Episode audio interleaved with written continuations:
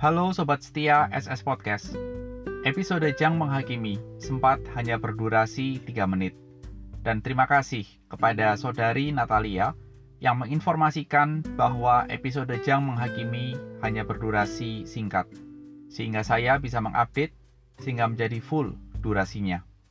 Saya ingin juga menginformasikan bahwa SS Podcast publish setiap hari Selasa dan Jumat kira-kira pukul 8.30 Sekali lagi kiranya Tuhan melimpahkan pimpinan dan kesehatan kepada kita semua di tengah-tengah pandemi COVID yang belum selesai.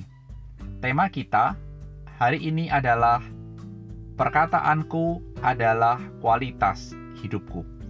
Terambil dari Lukas pasal 6 ayat 43 sampai dengan 45.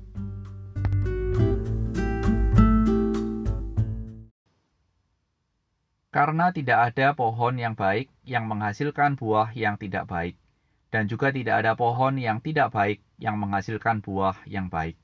Sebab setiap pohon dikenal pada buahnya. Karena dari semak duri orang tidak memetik buah ara, dan dari duri-duri tidak memetik buah anggur. Orang yang baik mengeluarkan barang yang baik dari perbendaraan hatinya yang baik, dan orang yang jahat mengeluarkan barang yang jahat dari perbendaraannya yang jahat, karena yang diucapkan mulutnya meluap dari hatinya. Mari kita berdoa. Bapa kami dalam surga, kami percaya firman-Mu adalah pelita bagi kami dan biarlah pelita itu boleh menyinari hidup kami. Demi Kristus Tuhan, amin. Sobat setia, kalau kita perhatikan saat ini, bersepeda menjadi tren yang luar biasa banyak orang yang sekarang ini bersepeda. Kalau kita amati, tidak ada yang keliru dari kegiatan bersepeda ini. Namun ada sebuah karikatur di koran Kompas 19 Juli 2020 yang menyinggung sebuah konsep di era ini dari kegiatan bersepeda. Digambarkan dalam karikatur itu, kalau zaman dulu orang bersepeda ditanyakan, "Sudah berapa jauh kamu bersepeda?" Dan zaman sekarang, apa pertanyaannya? Pertanyaannya berubah menjadi berapa harga sepeda kamu? Atau apa merek sepeda kamu? Terjadi perubahan dari sebuah konsep yang diangkat pada zaman ini. Yang penting bukan seberapa jauh kamu bersepeda atau kualitas bersepedanya, tapi merek atau harga sepeda kamu berapa.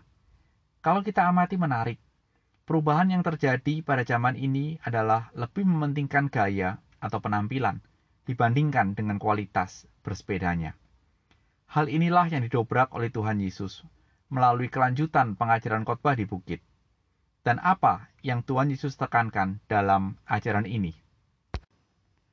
Tuhan Yesus menggunakan ilustrasi bahwa pohon yang baik akan menghasilkan buah yang baik, dan pohon yang tidak baik akan menghasilkan buah yang tidak baik. Rasanya tidak perlu penjelasan lebih lagi. Sangat jelas karena tidak mungkin pohon yang baik menghasilkan buah yang tidak baik. Demikian juga sebaliknya. Namun kalau boleh menelisik sedikit ilmu tentang perkebunan, buah yang baik tidak terjadi dengan sendirinya. Tapi diperlukan ada seorang peran, yaitu petani, dalam merawat pohon itu dengan kerja keras dan kerajinannya. Dan setelah pohon itu menghasilkan buah yang baik, maka nasihat dari pakar perkebunan tidak perlu kita mencari pohon lain yang terlihat lebih besar atau lebih subur dedaunannya. Mengapa? Karena bila sebuah pohon penuh dengan dedaunan yang subur, itu mungkin menunjukkan banyaknya nitrogen di pohon itu.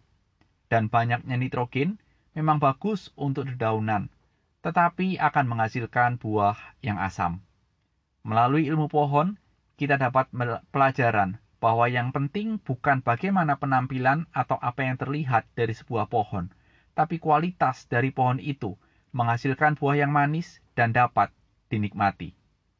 Oleh karenanya, ayat 44 sekali lagi Tuhan Yesus menekankan bahwa pohon dikenal dari buahnya, bukan penampilannya, atau bentuk pohon itu indah atau enak dipandang ketika dilihat. Dan semak duri tidak mungkin menghasilkan buah ara, dan semak-semak tidak mungkin menghasilkan buah anggur.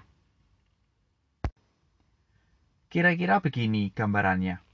Pohon anggur yang baik ia menghasilkan buah anggur yang baik. Pohon ara yang baik menghasilkan buah ara yang baik. Sedangkan duri dan semak-semak bukan pohon anggur ataupun pohon ara. Sehingga kalaupun duri dan semak-semak bisa menghasilkan buah, tidak ada orang yang bisa menikmatinya. Jadi kualitas buah tergantung dari kualitas pohonnya. Sekali lagi ingat, kualitas buah bergantung dari kualitas pohonnya. Lalu kalau kita bertanya, bagaimana dengan kita umat manusia?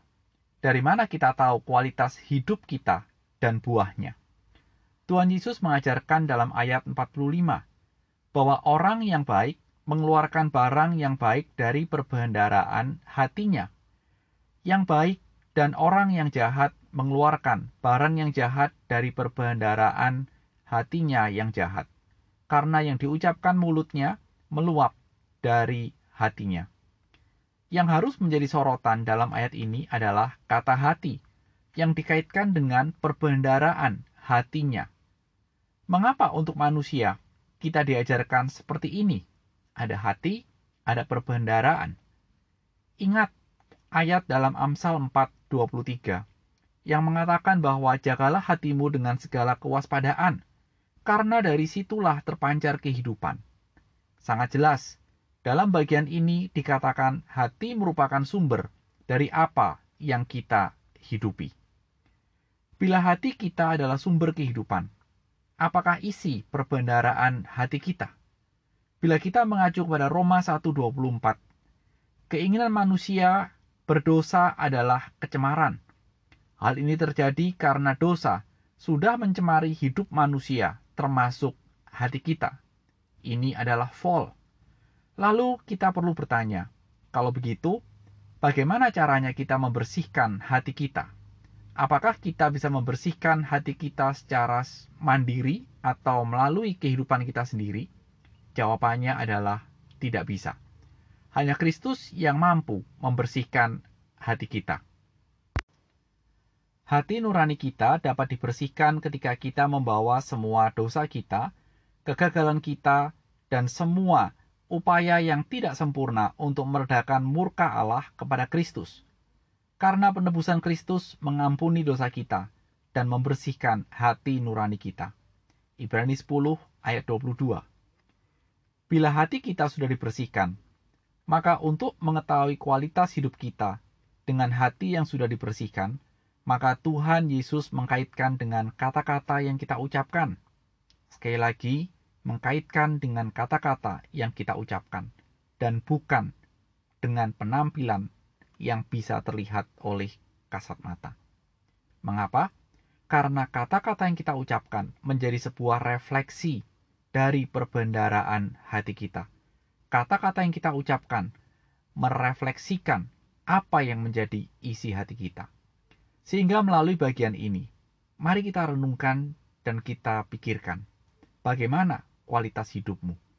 Kalau engkau ingin mengetahui kualitas hidupmu, maka dengarkan setiap perkataanmu, dengarkan setiap kalimat yang engkau ucapkan. Dan ingat, sekali lagi, bagian ini adalah dalam sebuah rangkaian Yesus memberitakan Injil Kerajaan Allah.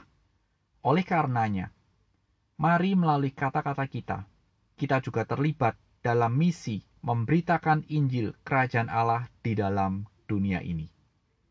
Tuhan Yesus, biarlah perkataanku yang adalah kualitas hidupku boleh sesuai dengan firman-Mu.